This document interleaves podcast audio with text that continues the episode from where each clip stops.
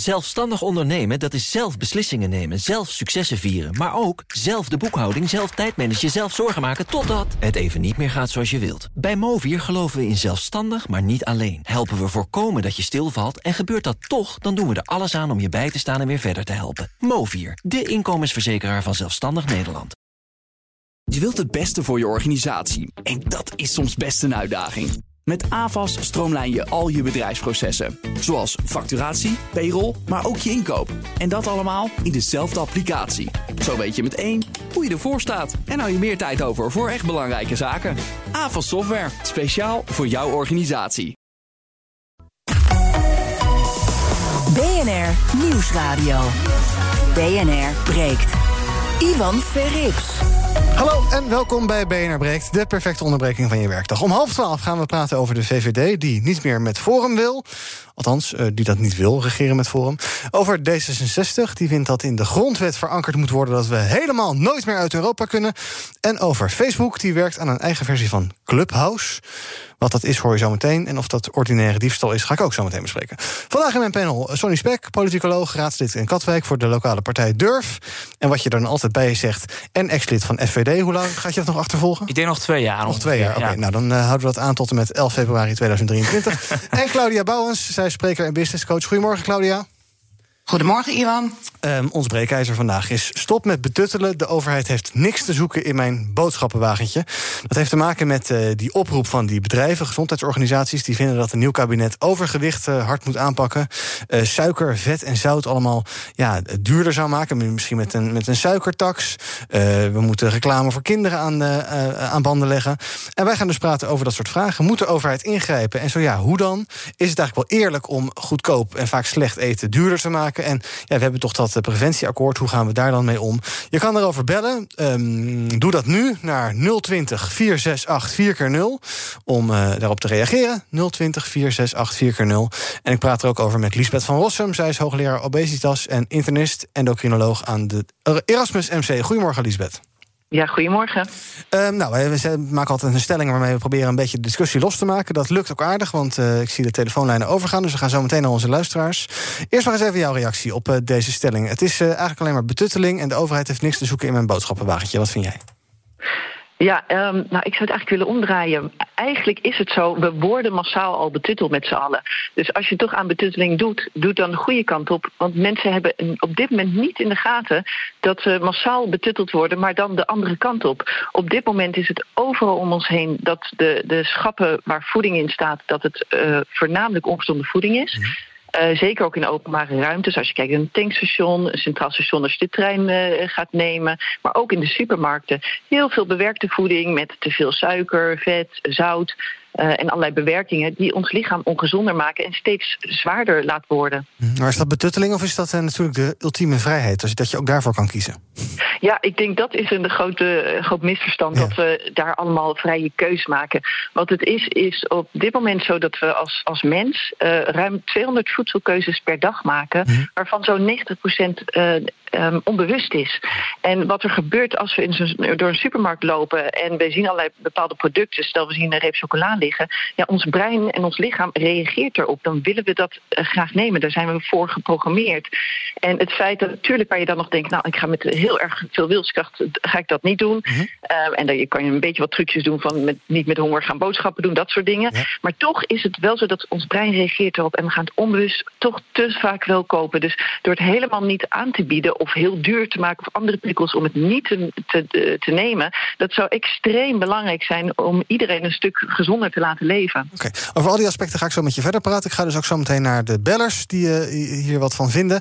Eerst even in de studio. Uh, Sonny, uh, stop met betuttelen. De overheid heeft niks te zoeken in jouw boodschappenwagentje. Jij moet lekker kopen wat je wil. Als je veel broccoli en uh, bloemkool wil kopen, moet dat. En als je alleen maar KitKats en ehm, zakken chips en milkshakes wil drinken, mag het ook. Ja, ik vind het wel interessant. Toevallig hebben wij gisteren als fractie, uh, wat je net zei, we zitten natuurlijk in Katwijk, ja. hebben we het hier ook over gehad. Omdat er een McDonald's zou gaan komen. Lekker. En daarvan uh, is het bestemmingsplan niet gewijzigd. Omdat de gemeente vond dat het eigenlijk te ongezond was. En ik moet toch zeggen dat ik dat een vrij heftige keuze vond tussen aanhalingstekens aanhalingstekens. Omdat het natuurlijk toch wel bijzonder is dat de overheid daar zo ver in kan gaan om zulke restricties op te leggen. En ja, ik hoor net ook van we moeten het of heel duur maken of uh, we moeten het gewoon niet gaan aanbieden. Maar dat is natuurlijk best wel uh, impactvol, ook voor mensen met een lager inkomen, ja. die dat dan niet uh, kunnen veroorloven. En dat, nou, dat is natuurlijk het eerste aspect. Hè. Mensen met een laag inkomen besteden relatief veel aan hun uh, consumptie. Hè. Mensen met een hoger inkomen kunnen dat mm. wel uh, betalen.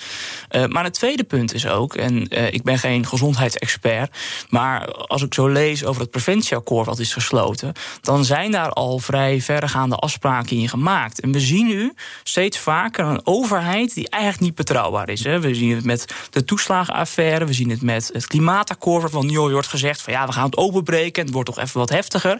En dat zien we ook met het preventieakkoord. Dat er nu, nu twee jaar later weer allerlei gezondheidsorganisaties zeggen van ja, het moet eigenlijk nog een stapje verder. verder Terwijl uh, Paul Blokhuis, de staatssecretaris, heeft gezegd van we gaan op, op deze manier uh, met die 70 organisaties gaan we het doel voor 2025 uh, halen. Mm -hmm. Nou, daar ga ik dan even vanuit op mm -hmm. dit moment. En ik, ik vind het dan vrij zorgelijk dat er dan weer aan wordt getornd. Want ja. mensen moeten daar al mee omgaan. En laten we nou eerst een keer de doelen gaan halen die we nu hebben ja. gesteld. Op die manier die we eerder met elkaar hebben afgesproken. Ja, nou, Lisbeth is betrokken geweest bij de preventieakkoord. Daar ga ik haar zo meteen over vragen. Eerst even naar Claudia. Uh, wat vind jij? Moeten we, ja, is het nodig inderdaad om misschien een suikertax in te voeren... om inderdaad dingen duurder te maken die ongezond zijn? Ik heb, uh, ik heb niet het idee, uh, Iwan, dat als we dingen duurder gaan maken, dat we daarmee het uh, probleem oplossen. Ik denk dat dat echt te simpel gedacht is. Ik snap best dat er een aantal dingen gefaciliteerd moeten worden om bewustwording te creëren. Maar volgens mij hebben we het hier over een combinatie van voeding, beweging en gedrag. Ja. En de oorzaak ligt volgens mij bij de mensheid eerder in het gedrag. Ja. Maar die, die kan je natuurlijk beïnvloeden als overheid zijn. Als je zegt van nou, wij vinden dat er uh, veel te veel uh, zoet wordt gegeten, waardoor iedereen heel erg dik wordt, of veel te vet wordt gegeten, dan kan je daar, dan kan je ook gedrag kan je beïnvloeden. Gedrag, gedrag kan je beïnvloeden, maar het is aangetoond dat als je een appel bij de kassa uh, legt, dat dat niet activeert tot een gezonde impulsaankoop. Nee. Ik ga even een rondje met bellers doen. Marta, goedemorgen. Hoi, goedemorgen. Zeg het maar. Um, ja, uh, als je het aan de burger op straat vraagt, dan weet iedereen wat gezond eten is. Maar toch is de helft van de bevolking, meer dan de helft uh, van de bevolking, te dik. Ja. Dus de overheid moet wel betuttelen, want we kunnen het gewoon niet zelf. Nee, dus het is wel nodig, vind jij? Dat dik, Ik vind het wel, ja. Dat dik zijn is een groot probleem en daar is actie tegen nodig. Ja, met alle kosten die er nog aan gaan komen. Okay. Alle zorgkosten. Alle zorgkosten. Duidelijk, dankjewel. Edgar Vos, goedemorgen. Goedemorgen. Zeg het maar. Ja, ik ben het er ook me, uh, niet mee eens. We moeten inderdaad wel betuttelen. Mm -hmm. Ik zou zeggen, doe de belasting voor suiker omhoog. En met dat belastinggeld wat je dat, daarmee int, maak je de gezonde producten goedkoper. Dus groente, broccoli. Ja.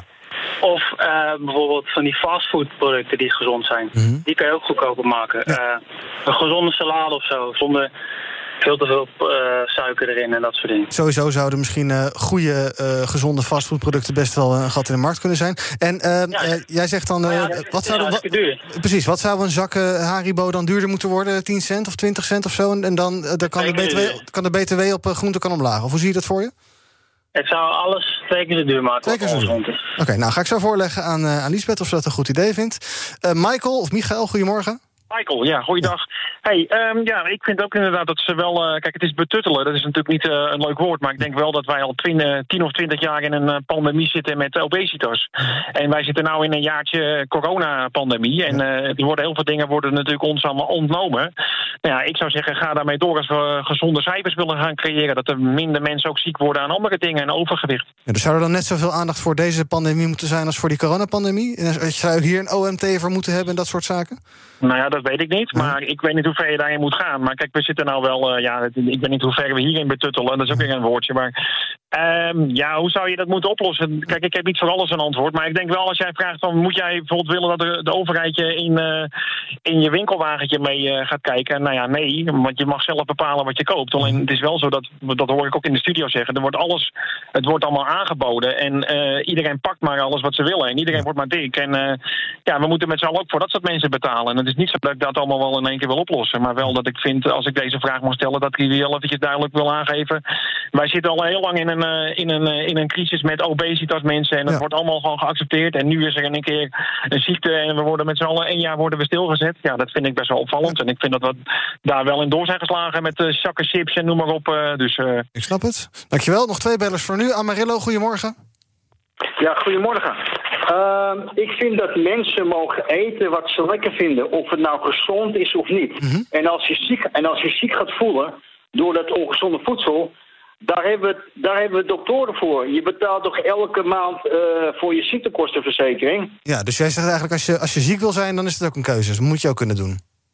Ja, ik bedoel, je betaalt, ja, er zijn dokter, we hebben doktoren, uh, ja. je betaalt ziektekostenverzekering elke maand. En uh, ja, als, voor, als een anderen of mensen voor, voor jou gaan bepalen wat je nou lekker moet vinden en niet. En uh, weet ik voor wat allemaal. Dan ga je wel heel. Ja, ja. het is. Uh, ja. Nee, ik snap het punt. Dankjewel. En als laatste voor nu even uh, John. Goedemorgen. Ja, dag. Ja, ik denk dat er een grote campagne op uh, de, uh, neergezet moet worden voor gezond voedsel. Want dat is nou het probleem. Dat, dat gebeurt dus niet. En daarom gaan blijven de mensen dus onbewust steeds die vette troep kopen. Ja. Bijvoorbeeld als je naar een benzinestation, daar kom je zelf ook wel eens langs. Oh ja, lekker bounties. Zo'n zo, zo pak met drie bounties, lekker ja. En dan twee voor twee euro. Die, die gore kroketten die daar liggen. Oh ja. En, en meer van die vette troep. Oh, broodje frikandel, ja.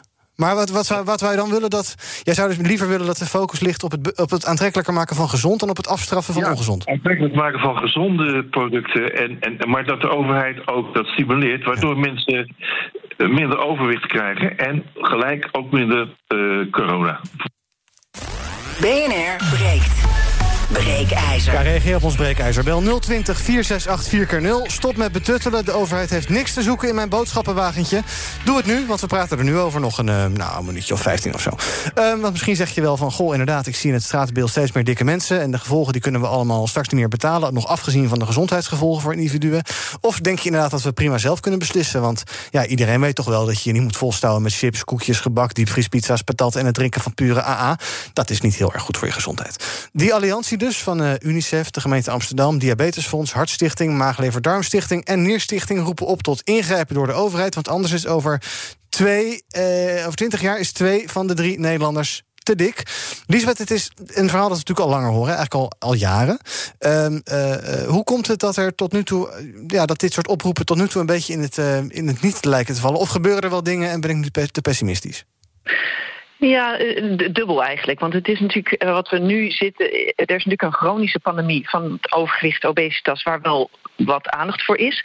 De urgentie wordt nu heel erg gevoeld omdat er nu een acute virale pandemie is en die botsen met elkaar. Want corona en obesitas gaan niet lekker samen. Hè? Nee. Daardoor liggen onder andere de IC's vol. Ja. Dus dat is een hele grote factor daarin. Dus daardoor komt ineens een schijnwerper erop, wat denk ik heel goed en belangrijk is. Het is voor ons als doktoren niks nieuws, want we zien dit, hè, ook een griep verloopt er ernstiger bij obesitas, maar ook uh, kanker, depressie, diabetes, hart- en vaatziekten komt allemaal eerder voor. Dus voor ons is het, ja, de urgentie wordt nu breder gezien, maar die urgentie was er wat ons betreft al veel langer. Ik denk dat het wel heel goed is dat dit echt een van de momenten is om nu door te pakken, om echt die chronische pandemie goed aan te pakken. Ja. Jij noemt er net al even inderdaad mensen met obesitas die veel, veel op liggen, althans veel mensen op IC hebben obesitas. Ik heb wel eens oproepen gezien om die mensen maar eerder te vaccineren. Zou dat jouw voorkeur zijn of zeg je nee, dat is niet de weg?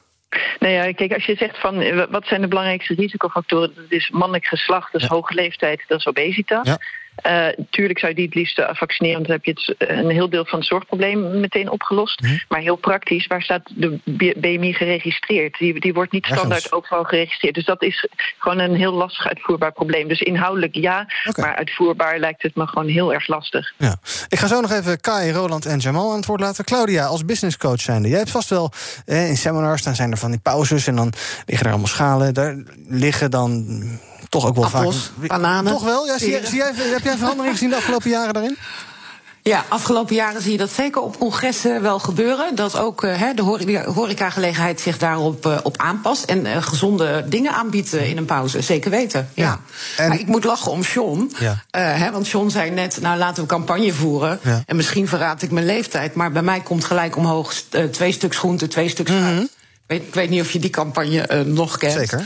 Uh, maar de afgelopen jaren, als ik kijk naar hè, hoe wij dat onze kinderen mee hebben gegeven, is dat inderdaad niet gebeurd. Nee. Weinig. Ja. En dan moet je natuurlijk ook niet uh, twee Snickers en twee milkshakes erbij doen. Want dan nee. heeft het niet heel veel zin. Dus het is wel, ja, ja, het is wel, precies. Oké, okay. Sonny, ik, ja, ik ga gewoon even kijken naar jou. Ja. Nee, je hebt geen overgewicht. Ja, nou, keurig, uh, keurig op gewicht. Nou, dat is, dat is wel een interessante vraag. Ja, als ik op twee dingen kan reageren. Ja, Allereerst, misschien moet je er Ik wil eerst weten, kan jij, kan jij zelf je goed in de, in de hand houden... als het gaat om zoetigheid en vettigheid en zoute dingen... en allemaal alles uh, lekker is eigenlijk? Ja, het gaat met fases. Maar ik, ik, ben dus wel iemand die redelijk veel beweegt... maar dan wel weer iets te veel eet. En dat is eigenlijk mm -hmm. precies weer uh, het punt wat ik ook wil maken. ik heb bijvoorbeeld nog steeds geen rijbewijs, heel stom. Mm -hmm. Maar ik fiets elke dag best wel veel naar Leiden van Katwijk heen en weer.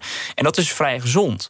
Uh, maar ik kan dus ook weer een beetje compenseren qua eetgedrag. Maar nu gaan we dus ons heel erg focussen op, uh, op het eetgedrag. Maar ook als het gaat om roken of om alcohol. Hè, ja. Eerder met het preventieakkoord. Zou ik ook denken van ja, er zijn ook mensen die dat natuurlijk gewoon compenseren. Dus daar kan je ook gaan naar gaan kijken. Van misschien moeten mensen ook meer, meer bewegen. Ja, precies. En meer verantwoordelijkheid dragen voor het feit uh, als ze ziek worden. Dat, dat, dat ze, um, ja, in zekere zin zei iemand net, het is een keuze. Dat is natuurlijk niet altijd het geval. Mm -hmm. Maar dat je wel zelf ook de, de keuze hebt om meer in balans te brengen. Dat je daar ook een eigen verantwoordelijkheid in hebt. En het eerste wat ik eigenlijk net wilde zeggen, dat gaat over die positieve prikkel. Ja. Er wordt niet elke keer uitgegaan, uitgegaan van het negatieve van we moeten uh, meer belasting erop gaan leggen. We moeten bedrijven gaan uh, taxeren. Ja, uiteindelijk zijn er nog steeds jongeren die door uh, geldgebrek of door gebrek aan faciliteiten gewoon niet kunnen sporten. Mm -hmm. Laten we ons daar ook eerst op gaan focussen. Laten we bij wijze van spreken in elke week een, een Johan Cruijff koord gaan aanleggen. Zodat jongeren die, die kansen krijgen. Ja. maar nu wordt er elke keer gekeken van ja, de fabrikant, daar kan je ook naar kijken. Mm -hmm. Je hebt heel veel verschillende soorten suikertaxen in verschillende landen. Maar ik zou toch uit willen gaan van het positieve in plaats van elke keer dat vingertje. En volgens mij helpt het ook echt uh, meer op de langere termijn. Ik ga nog even wat bellers aan het woord laten die reageren op ons breekijzer. Stop met betuttelen. De overheid heeft niks te zoeken in mijn boodschappenwagentje. En na die bellers ga ik nog met Liesbeth praten. Als jij nog wil reageren, dan kan dat. We hebben nog acht minuutjes in deze uitzending. Bel nu naar 020 468 4 keer 0 En jij noemde net al even de sigaretten, Sonny. Kai heeft er ook opmerkingen over. Goedemorgen. Ja, goedemorgen. U spreekt met Kai. Hey, ik had even een vraagje. Volgens mij draait het als om de inrichting van, uh, van bepaalde winkels. Is het een idee? Vroeger, als je een filmpje ging huren, had je ook altijd een schaamtehoekje. waar je erotische filmpjes kon, uh, kon huren. Oh. Zoiets maken voor uh, ongezonde producten zoals chocola en chips. Mm -hmm. Oké, okay, goeie. Uh, ga ik zo even voorleggen aan Lisbeth. Ik geloof dat. Uh, wie had nou nog meer die suggestie? nou, iemand had nog meer suggestie van ja, we moeten een soort. nou, die is waarschijnlijk weg. We moeten een soort inderdaad hoekjes gaan creëren. Net als een beetje de slijter misschien.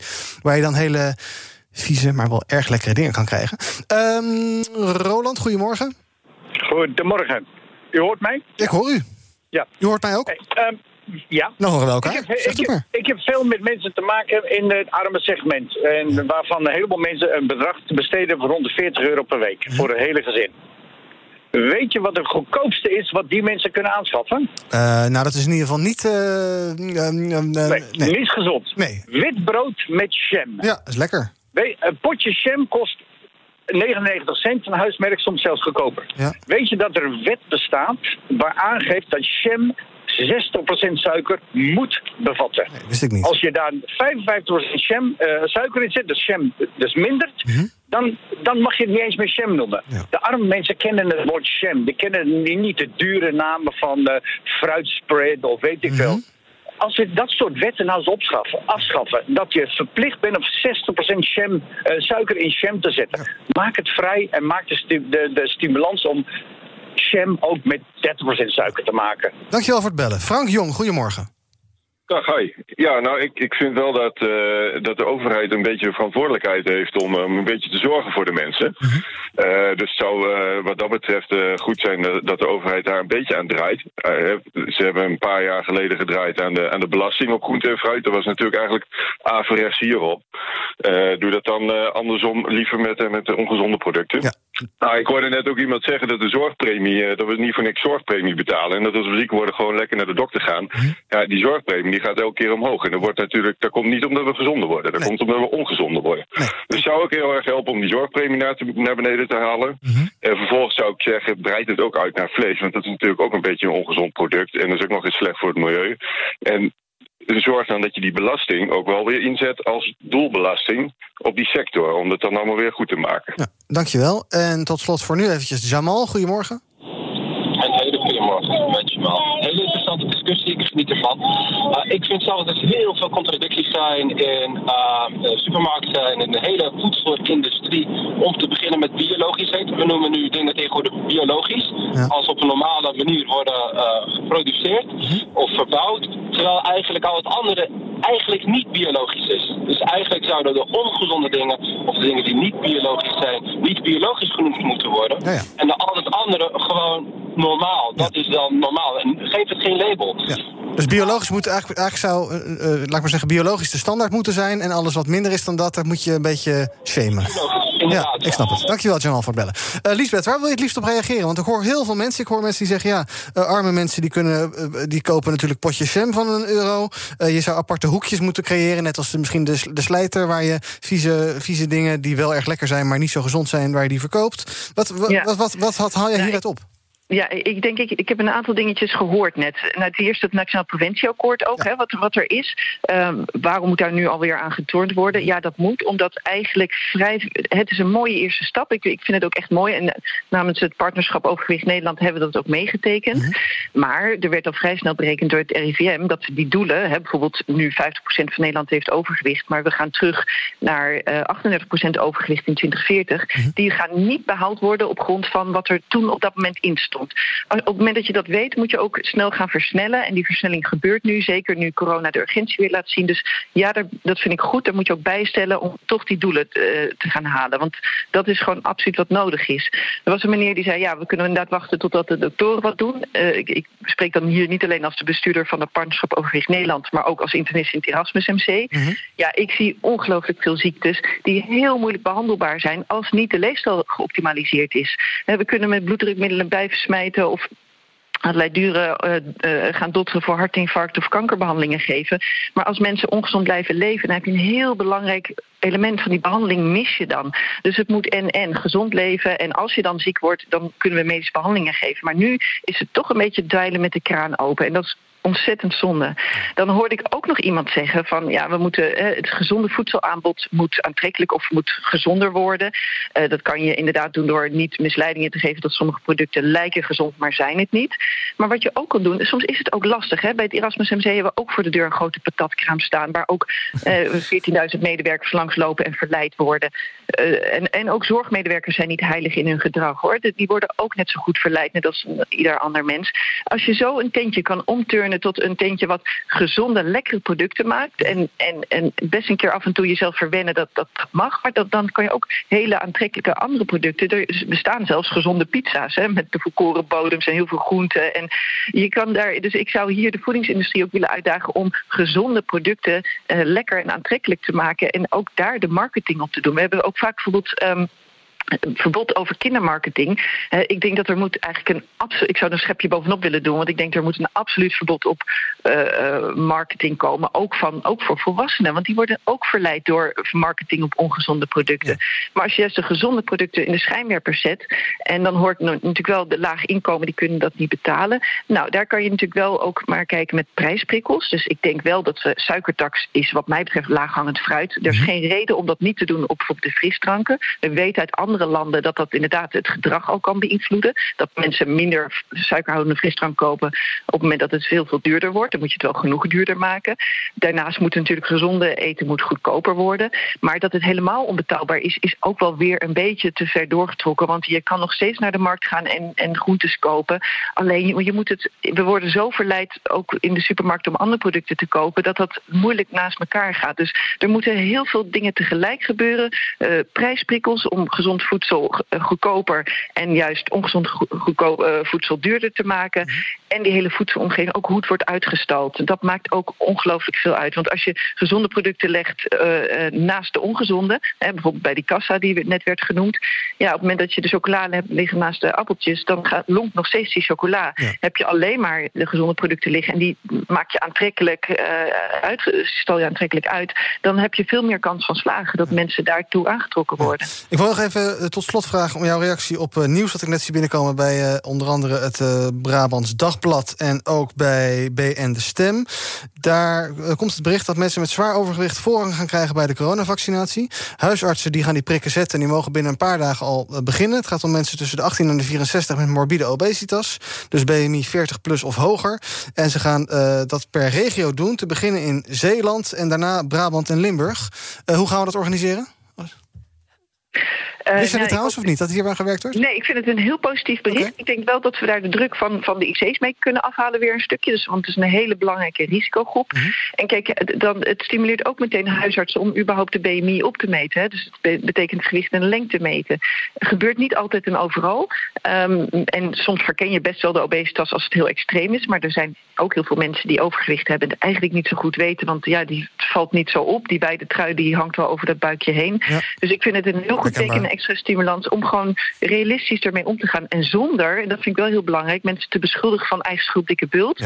Want obesitas heeft heel veel oorzaken hè, in het sociaal domein, armoede en dat soort dingen. Maar ook soms medische redenen. Sommige mensen worden dik door medicatie. Er zijn tal van redenen. Dus um, ik denk dat het heel goed is dat er aandacht voor komt. En op deze manier met ook een, een risicogroep vaccineren. Ik denk voor de lockdown en voor de hele bevolking is dat heel goed nieuws. Dankjewel. Er is nog genoeg om hierover te bespreken, maar uh, onze tijd zit erop. Uh, dankjewel, Lisbeth van Rossum, um, dat je even mee wilde praten in deze uitzending. Uh, internist en hoogleraar obesitas aan het Erasmus MC. Zometeen dan hoor je nog veel uitgebreider onze panelleden, namelijk Sonny Spek en Claudia Bouwens. Daar gaan we het komende half uur meepraten over het nieuws van nu. Zoals uh, bijvoorbeeld de VVD die Forum uitsluit. De D66 die nooit meer uit Europa wil en dat nu ook wil vastleggen. En Clubhouse. BNR Nieuwsradio. BNR breekt. Ivan Verrips.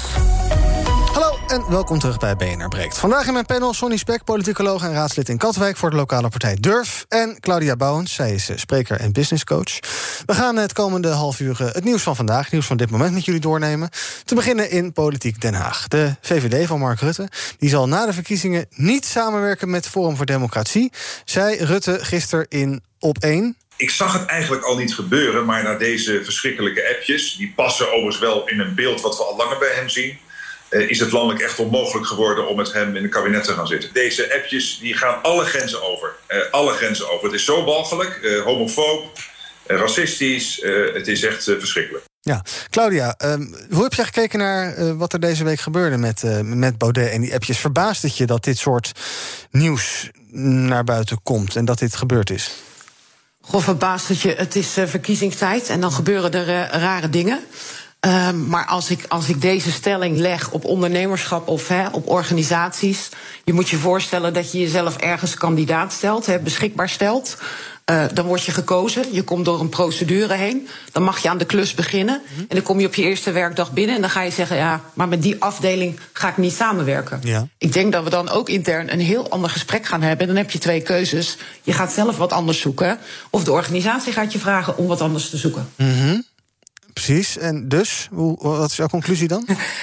en dus, ja, ik zie het meer als een klein jongetje in de supermarkt... dat je nu al gaat zeggen, ja, uh, ik ga met die partij niet regeren. Volgens mij leven wij in een democratie.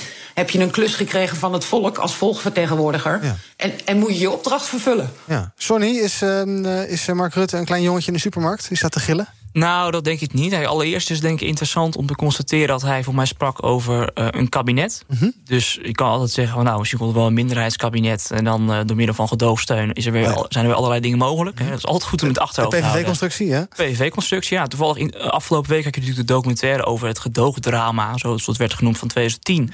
En dat liet ook heel erg goed zien dat uiteindelijk politiek... dat onderschatten soms mensen, maar het is echt mensenwerk. En soms is uh, samenwerken op basis van vertrouwen... belangrijker of beter beter dan samenwerken op basis van inhoud. Mm -hmm. Omdat je elkaar gewoon op die manier uh, kan vertrouwen. En dat hebben we bijvoorbeeld gezien tussen de VVD en de PvdA eerder.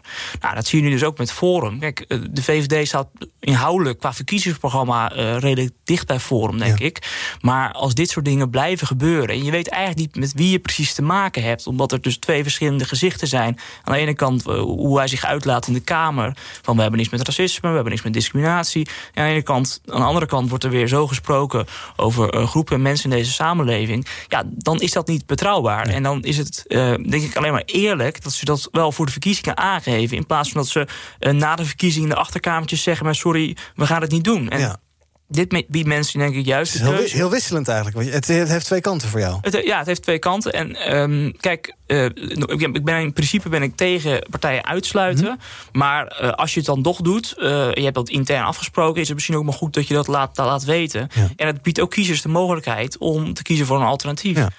ja 21 heeft een sterke positie in de Eerste Kamer. En er zullen veel mensen denken van... Ja, nu het de PVV en FVD niet wordt, dan gaan we voor een andere partij. Ja. Claudia, aan de andere kant, ik snap ook wel dat Rutte zegt... ja die Baudet en die appjes, die heeft dan gezegd... Ik parafraseer even, donkere mensen hebben een... Latino mensen hebben een lager IQ dan blanke mensen. En dan had hij een vraag gesteld, zo van... jij wilt ook niet dat je do dochter met een neger thuis komt? Mm -hmm, nou, ik snap wel dat, je, dat, je, dat je met iemand die dat soort teksten uit... dat je daar denkt van, nou, daar, daar ga ik niet mee, mee regeren. Daar, daar, kan je een mening over hebben. Maar als we kijken wie voortijdig de VVD heeft verlaten. op basis van uh, situaties die er geweest zijn. kan je ook een mening over ja, hebben. Zeker. Dus, ja, dus vind je dat dan, jij vindt dat geen reden om iemand uit te sluiten? Ik, nee, ik vind het helemaal geen reden om iemand uit te sluiten. Nee. Heeft Baudet zichzelf. ik geloof niet in uitsluiting. Nee. Heeft Baudet zichzelf met die appjes, denk je wel, in de vingers gesneden? Gaat hem dit. Uh, uh, gaat, wat, gaat hem dit kosten? of maakt het zijn kiezers niks uit? Ik weet het niet. Ik denk dat we inmiddels toch al leven in een samenleving met een enorme verdeeldheid. Mm -hmm. En, en volgens mij, hè, wat er nu gebeurt en uh, wat de media laat zien, is de verdeeldheid uh, in ons land wordt alleen maar groter gemaakt. Ja, ja. Hoe kijk jij daar naar, Ja, kijk, op zekere zin zorgt dit er natuurlijk voor uh, dat ik denk dat de achterban van Forum nu niet zal weglopen. Uh -huh. Die zijn voornamelijk bezig met corona en die hebben hun eigen sores en denkbeelden daarover. Maar het legitimeert wel voor heel veel mensen daarbuiten dat er niet meer met de partij wordt samengewerkt. Kijk, ik zeg altijd, de kracht van Forum was dat je in 2017 zei, of 2019 eigenlijk ook nog, nou, ik stem op Forum voor Democratie op een kringverjaardag. En dan ja. zegt, oh, nou, die partij kennen we niet zo goed, wat is dat dan? En dan had je niet gelijk een heel stigma over je heen, zoals je dat wel bij de PVV had. Nou, nu zie je dat Forum eigenlijk... Ik zou minder snel zeggen, ik stem op Forum op dit moment... dan ik stem op de PVV. Want bij de PVV weet je wat je eraan hebt. Ja. Die doen al jaren mee. Is zeker zin ook een stabiele partij. Hebben ook een stabiele lijst. Ook het kartel. Ja, ja, bijna wel. Ja, uh, Wilders als minister van Binnenlandse Zaken. Nee, maar uh, dat is wel een partij die inderdaad nu meedoet in het, in het spel.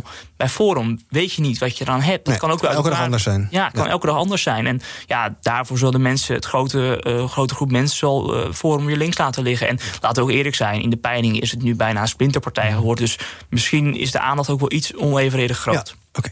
Okay. Uh, ik ga even met jullie doornemen wat jullie zelf is opgevallen in de kranten en nieuwsapps deze dagen. Waar jullie uh, graag, uh, nou, wat, wat, jullie interessant nieuws vinden. Ik begin even bij Claudia. Jij wilde het geloof ik hebben over de liefde. Ja. Nou, kom op. Ja, voor mij is februari altijd een hele bijzondere maand. En, en wel speciaal Valentijnsdag. Mm -hmm. En ik vraag me eigenlijk af, ook onder de luisteraars, is Valentijnsdag vandaag de dag? Is dat nou een verplicht nummertje? Ja. Of, of doe je dat echt nog vanuit je hart? Waarom vraag je dat af? Waarom ik me dat afvraag? Ja. Uh, nou, mijn zoon is geboren op Valentijnsdag. Uh -huh. En wij maakten er vroeger altijd wedstrijdje van om naar de brievenbus te rennen voor wie er dan een kaart lag. Ja. Uh, vaker voor hem dan voor mij, maar goed. Ja, um, ja. Balen, ja. ik, ik, hou er, ik hang daar een soort sentiment aan. En zeker in, in uh, de huidige tijd, de coronatijd, we zitten inmiddels bijna een jaar binnen. -hmm. Denk ik van, ach, als we nou aanstaande zondag allemaal eens wat liever voor elkaar zijn. Uh, iets van je tijd weggeven, aandacht weggeven, kaartjes sturen. Um, dat we weer dat, uh, nou, dat verbroederingsgevoel met z'n allen krijgen. Ja, ja, het hoeft dus niet zozeer naar iemand te zijn op wie je een oogje hebt of met wie je een relatie hebt. Maar het mag ook gewoon een, uh, een virtueel schouderklopje zijn. Of uh, inderdaad, bel, bel die, die oma is bij wijze van spreken die je nooit spreekt. Gewoon dat je even daar als, wat meer aandacht we die beweging, Ja, als we die beweging zondag kunnen creëren. Nou, dan denk ik dat we weer een positieve prikkel hebben. Zoals we die vorige week hadden met de sneeuw. Mm -hmm. Maar goed, als we dan weer een week over de Elfstedentocht praten, die niet doorgaat ja. in verband met corona. Ja, dan wordt er weer zo'n negatieve flow aangegeven. Ja, ja, ja. Wanneer Valentijnsdag, wat ga jij doen zondag? Ehm, helemaal niks. Lekker thuiswerken. ik vind het eerlijk gezegd een verschrikkelijke dag, als ik oh. heel eerlijk ben. Nee, maar ik bedoel, het is wel serieus. Uh, je mist al een jaar lang uh, om je vrienden op een uh, leuke manier, normale manier te zien. Je hebt totaal geen sociaal leven meer. En dit zijn wel van die dagen dat het nog even extra wordt ingepamperd. ja, dat vind ik wel. Ja, dat, dat merken ook wel veel mensen in mijn, in mijn omgeving. Dus nee, ik, voor mij is het eerlijk gezegd zoiets van... nou, laat maar lekker voorbij gaan. Hetzelfde met kerst bijvoorbeeld. Dat, dat zijn ook van die dagen. Ik heb er persoonlijk, laat ik het uh, zoveel mogelijk links liggen. Omdat er altijd zo'n geforceerde gezelligheid in zit. Wat nu eigenlijk niet mogelijk is. Um, ja, dus ik heb er persoonlijk uh, weinig mee. Ja, jij gaat er dus niet aangrijpen om uh, iets leuks of romantisch of sympathieks te doen? Lezen is ook leuk soms. Wat zei je? Lezen is soms ook Lezen leuk. kan ook leuk zijn. Ja, maar wat, wat wel een beetje zo is, Claudia, wat Sonny zegt... het is al, het is al geen leuk jaar. Ja, moet je dan doen alsof het allemaal geweldig... en heel je hoepie de poepie en rode hartjes en dat soort dingen? Ik zeg helemaal niet dat je joepie de poepie moet doen. Ik ben ondernemer, ik zit ook al een jaar binnen. Ja. Maar, maar ik zou bijna voorstellen, ik ga Sonny eh, zondag bellen. Gewoon oh. even een goed gesprek, aandacht. Ik wat aandacht geven van de jongen. Maar Sonny zit ja. nog te lezen, dus dat gaat niet, denk ik. Nee, ik denk ah, nee, hij welkom. Niet op. welkom. Oh, mag wel bellen. Okay, nou, ik zal, de deur gaat al open. We zullen nummers even uitwisselen. Uh, Sonny, jij wilde graag hebben over de Arabische lente. Waarom vandaag? Wat is ja, klopt. Ja, het is vandaag 11 februari. En je zou bijna het vergeten, maar het is eigenlijk niet Bijna Valentijnsdag. Het is bijna Valentijnsdag, waar we niks mee gaan doen trouwens. Maar het is, een, het is wel echt uh, een historische dag. Want het is vandaag tien jaar geleden dat uh, Hosni Mubarak uh, aftrad. Mm -hmm. Ik denk dat veel mensen dat nog zichzelf nog wel kunnen herinneren. Het is ook een beetje de, de dag dat mijn interesse voor het Midden-Oosten begon als uh, jonge scholier. En het is een interessante en ook wel belangrijke dag, omdat er toen de tijd natuurlijk heel veel ja, positiviteit was over Egypte, mm. over het Midden-Oosten. De Arabische lente was er. Nou, achteraf bleek het natuurlijk een Arabische herfst te zijn. En er was echt het geloof in die vooruitgang, in die mensenrechten die zouden komen, in die nieuwe vrijheden die uh, zouden worden uh, nou, bijna opgelegd op die bevolking, mm -hmm. op de dictators die zouden worden verdreven. En achteraf moeten we toch constateren dat heel veel nou, opiniemakers, journalisten daar uh, vrij naïef in zijn geweest. En het is ook wel belangrijk om daar ook voor onszelf nog eens op terug te kijken. Van hoe kan het dat we daar zo verkeerd op hebben neergekeken? Ja. Um, wat is er uiteindelijk daar gebeurd? Ik zie in heel veel documentaires die nu worden gemaakt. En ook, en ook stukken die worden geschreven voor de krant uh, en voor de televisie. Dat er ook uh, mensen weer worden geïnterviewd. die bezig zijn met echt uh, Egypte liberaler maken. Maar je moet je afvragen of natuurlijk het merendeel van Egypte daarop zit te wachten. Uiteindelijk is de moslimbroederschap daar natuurlijk aan de macht gekomen met Morsi is 2013 weer afgezet. Uh, ik zag toevallig vandaag een artikel in Trouw. Er was een vrouw in Egypte die uh, hield zich bezig met transge transgenderrechten. Nou, hartstikke mooi. Ja. Maar dan vraag ik me ook af, ja, dat is natuurlijk niet representatief voor Egypte. En dat is precies de fout die we hebben gemaakt toen de tijd. Dat we dachten van, oh, al die mensen willen democratie, mm -hmm. die willen vrijheid, die willen mensenrechten. Net zoals wij hier. Ja, Terwijl dat natuurlijk eigenlijk helemaal niet het geval was. Dat, dat er mensen op dat uh, Tagrierplein stonden. Waarvan het een deel, ze wilden wel democratie, maar uiteindelijk ook democratie gebruiken. om uiteindelijk weer repressief te zijn. Uh, en ook een deels natuurlijk de sharia op te leggen vanuit mm -hmm. het moslimbroederschap. Dus het is belangrijk om dat in het oog te houden. Ook nu als les, als we ergens uh, demonstraties zien voor vrijheid. of we zien revoluties. dat we altijd realiseren van het is niet gelijk iets goeds. En dat we dat ja, blijven onthouden. Ik was zelf in Cairo nou, twee jaar geleden alweer. Dus sprak ik ook een hoteleigenaar die toen helemaal niet blij was met de revolutie. Daar kon je eigenlijk niet over praten natuurlijk. Maar die was ja, niet fan van Mubarak. Maar die vond het toch belangrijk dat hij er zat. Omdat hij voor stabiliteit zorgde. En hij kon daardoor wel gasten ontvangen. En daardoor kon hij toch nog een, ja, een schamel loontje verzamelen... om normaal te kunnen leven. En dus, daarna was het heel onzeker geworden? Of? Ja, en nu krabbelt Egypte weer uit dat dal.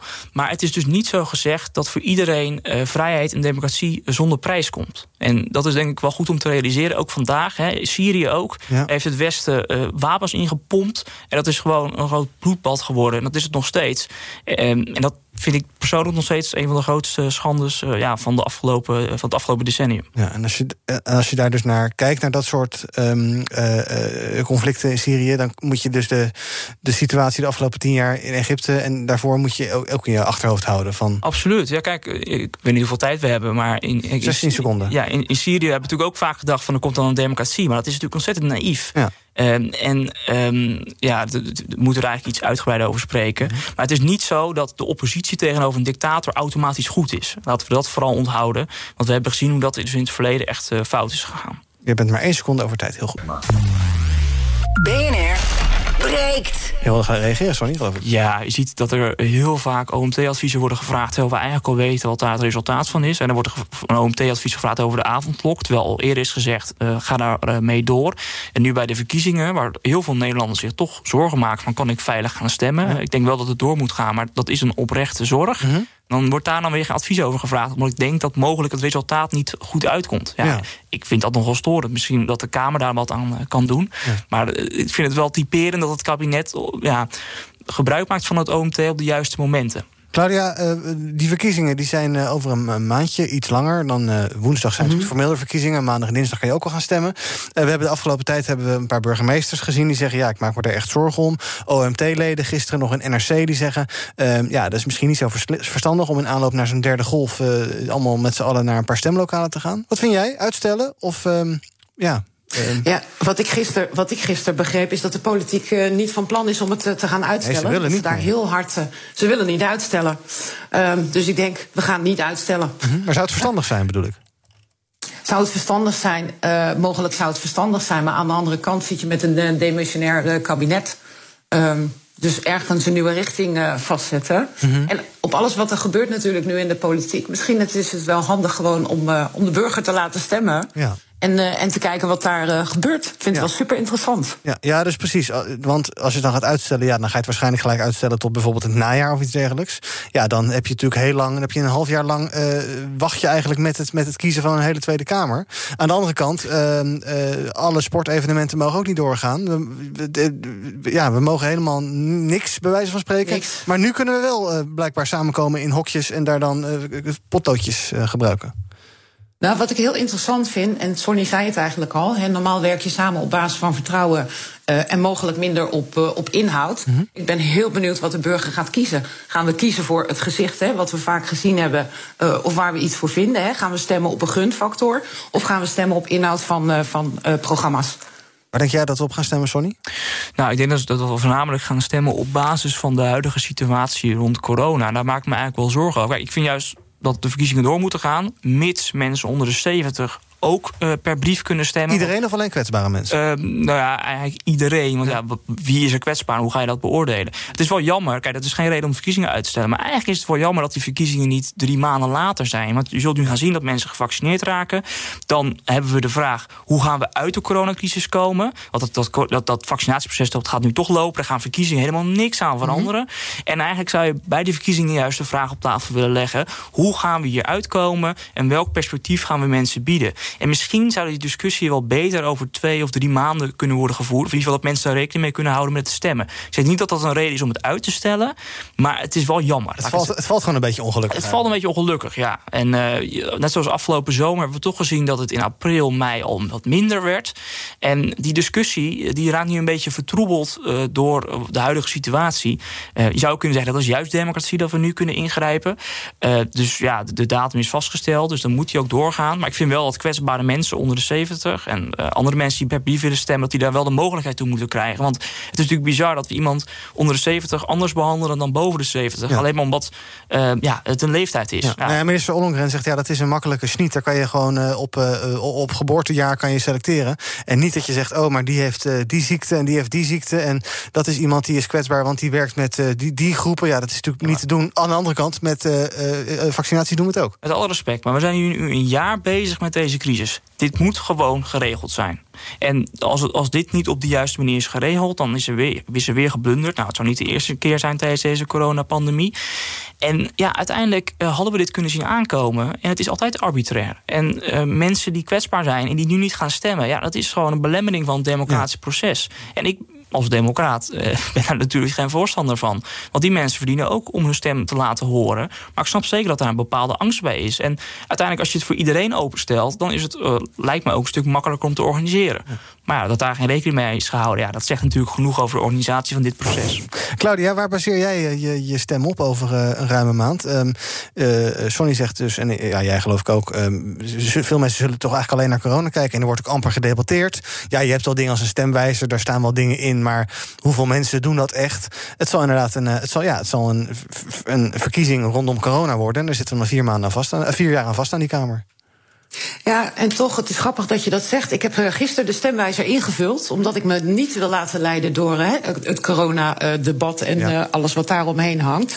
Uh, maar als ik dan naar de 30 stellingen kijk die op stemwijzer staan dan heb ik toch als burger ook wel het gevoel dat ik hè, een bepaalde richting op uh, gestuurd word in de vraagstelling. Um, maar geeft wel, uh, geeft wel inzichten. Um, nou ja, er worden, er worden heel zwart-wit stellingen. Hè? Het is ja. ja. of het is nee. Ja. Er zit natuurlijk altijd wel een beetje nou ja, speling in, in een stelling of in een, uh, een mening.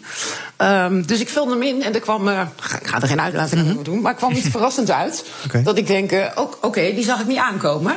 Dus. Um, Ga je dat nou, dan nu nog serieus, serieus overwegen of, of, helemaal niet? Nee, ik ga hem over een maand nog een keer invullen. Uh -huh. Ik ga hem gewoon over een maand nog een keer invullen, kijken wat er dan uitkomt. Ja, ja. dat is wel turig. nou ja, en op zich, je kan, je kan natuurlijk bij die stellingen wel zeggen... ja, mee eens, een beetje mee eens, een beetje mee oneens... en heel erg mee oneens, maar uh, jij vindt het eigenlijk te zwart-wit, die stemwijzer. Ja, ik vind, ja, ik vind hem redelijk uh, dat je, ja, je, wordt, je wordt ergens heen gefaciliteerd ja. naar een bepaald antwoord. Ja. Nee, dat is natuurlijk ook het idee van een stemwijzer. Ja, uh, ja maar het is niet dat je. Ik ken, oh, ik ken toevallig wat mensen. zeg, maar, zeg maar even, Claudia.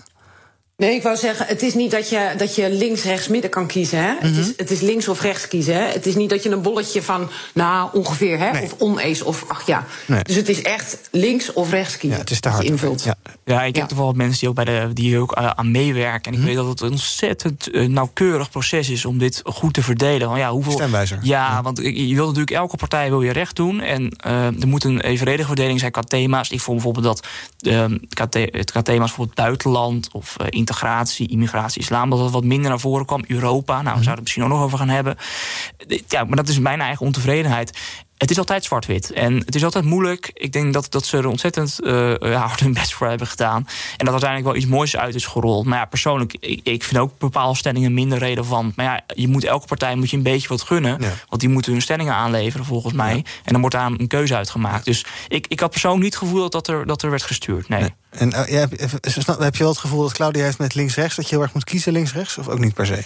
Um, ja, ik weet niet. Ik, ik herkende dat niet zo. Ik vond het een e redelijke evenredigheid uh, qua verdeling van vragen. Nou ja, meestal komen er nog wel meer stemwijzers in de aanloop naar de verkiezingen. Dus misschien Absoluut. heeft Claudia daar wat aan. Tot slot wil ik het nog heel even uh, met jullie over een klein stukje innovatie naar de mensen toe. De app Clubhouse. Now, Clubhouse, for those of you who haven't gotten on there yet, is a drop-in audio social media of sorts. I found it to be super good for connecting with other photographers. For me, jumping in with other creatives, and just generally learning from experts in multiple and various other fields. Now, the nice thing about it is, is a kind of a brand new app, and I haven't felt this way about an app since I first joined Instagram. Ja, je kan een soort uh, uh, uh, virtuele chatboxes creëren waar je dus met mensen in kan praten. Alleen met tekst, niet met beeld. Een soort chatgroepen inderdaad. En je kan ook aanwijzen wie dan mogen praten en wie mogen alleen toeluisteren. Of je kan zeggen, nou die mag nu even wat zeggen. gesprekken over allerlei onderwerpen. Facebook werkt nu aan een eigen versie van Clubhouse. Dus dat zegt wel iets over het succes, aangezien Facebook heel goed is in het stelen van ideeën die heel erg succesvol zijn. Uh, ik geloof, Sonny, je had er nog nooit van gehoord. Claudia, zit jij op Clubhouse? Nee, ik had er ook nog niet van, uh, van gehoord. En ik ben het gaan opzoeken van, hey, wat is het nou en ja. wat kan je ermee? Uh, het grote verschil is, een podcast is opgenomen en ja. dat luister je terug. Uh, hier gaat het over gesprekken hè, die in real time uh, gevoerd worden, waar je kan meeluisteren. Mm -hmm. uh, en waar, waar de sprekers ook willen dat je meeluistert. Ja. Het schijnt heel exclusief te zijn, want je moet een uitnodiging krijgen. Mm -hmm. Um, en volgens mij kan het alleen nog maar op de, op de iPhone. Ja, en ik denk dat de mindset, uh, de mindset die erachter zit. Uh, is dat je het idee hebt, hè, dat, dat je het idee hebt dat je dichterbij, of dat nou ja, bekende, beroemde mensen uh, benaderbaar zijn. Uh, en volgens mij is dit echt voor mensen waar de nieuwsgierigheid van afdruipt. Ja, dat denk ik ook wel. Het is ook heel erg voor de early adapters. En nog een leuk nieuwtje. Wij gaan er volgende week bij BNR Breekt mee uh, experimenteren. Dus wij gaan een Clubhouse-kanaal opzetten. En dan kunnen mensen via Clubhouse meepraten in deze uitzending. Uh, ik weet niet of dat maandag al lukt, anders dinsdag of woensdag. Misschien wordt het helemaal niks, misschien wordt het geweldig. We gaan het ervaren. Ik weet niet of het al eerder gebeurd is, radio op Clubhouse. Maar anders hebben we een unicum. dank in ieder geval voor het afgelopen uur dat jullie erbij waren. Sonny Spek van Durf, politicoloog hier in de studio. En Claudia Bouwens, businesscoach en spreker en entertrainer. Dat wilde ik toch even zeggen. Morgen is BNR Breekt er weer. Dan met een nieuwe presentator. Iemand die je vast gaat horen op vrijdag. Zal ik al zeggen wie het is of nog niet? Wat zegt Jorg? Ja, mijn regisseur Jorg zegt ja. Nina van den Dungen presenteert morgen. Je gaat haar elke vrijdag horen. Tot die tijd volg je ons op uh, BNR op Twitter, op BNR Nieuwsradio op Instagram en natuurlijk via die good old website. Hè, dat is zo'n browser, zo'n ding, daar kan je iets intypen. bnr.nl. Hij staat al klaar met zijn gast. Ja, hij is er echt. Thomas van Zel met Zaken doen zometeen. Fijn weekend al. Zelfstandig ondernemen, dat is zelf beslissingen nemen, zelf successen vieren. Maar ook zelf de boekhouding, zelf tijdmanagen, zelf zorgen maken... totdat het even niet meer gaat zoals je wilt. Bij Movier geloven we in zelfstandig, maar niet alleen. Helpen we voorkomen dat je stilvalt en gebeurt dat toch... dan doen we er alles aan om je bij te staan en weer verder te helpen. Movier, de inkomensverzekeraar van Zelfstandig Nederland.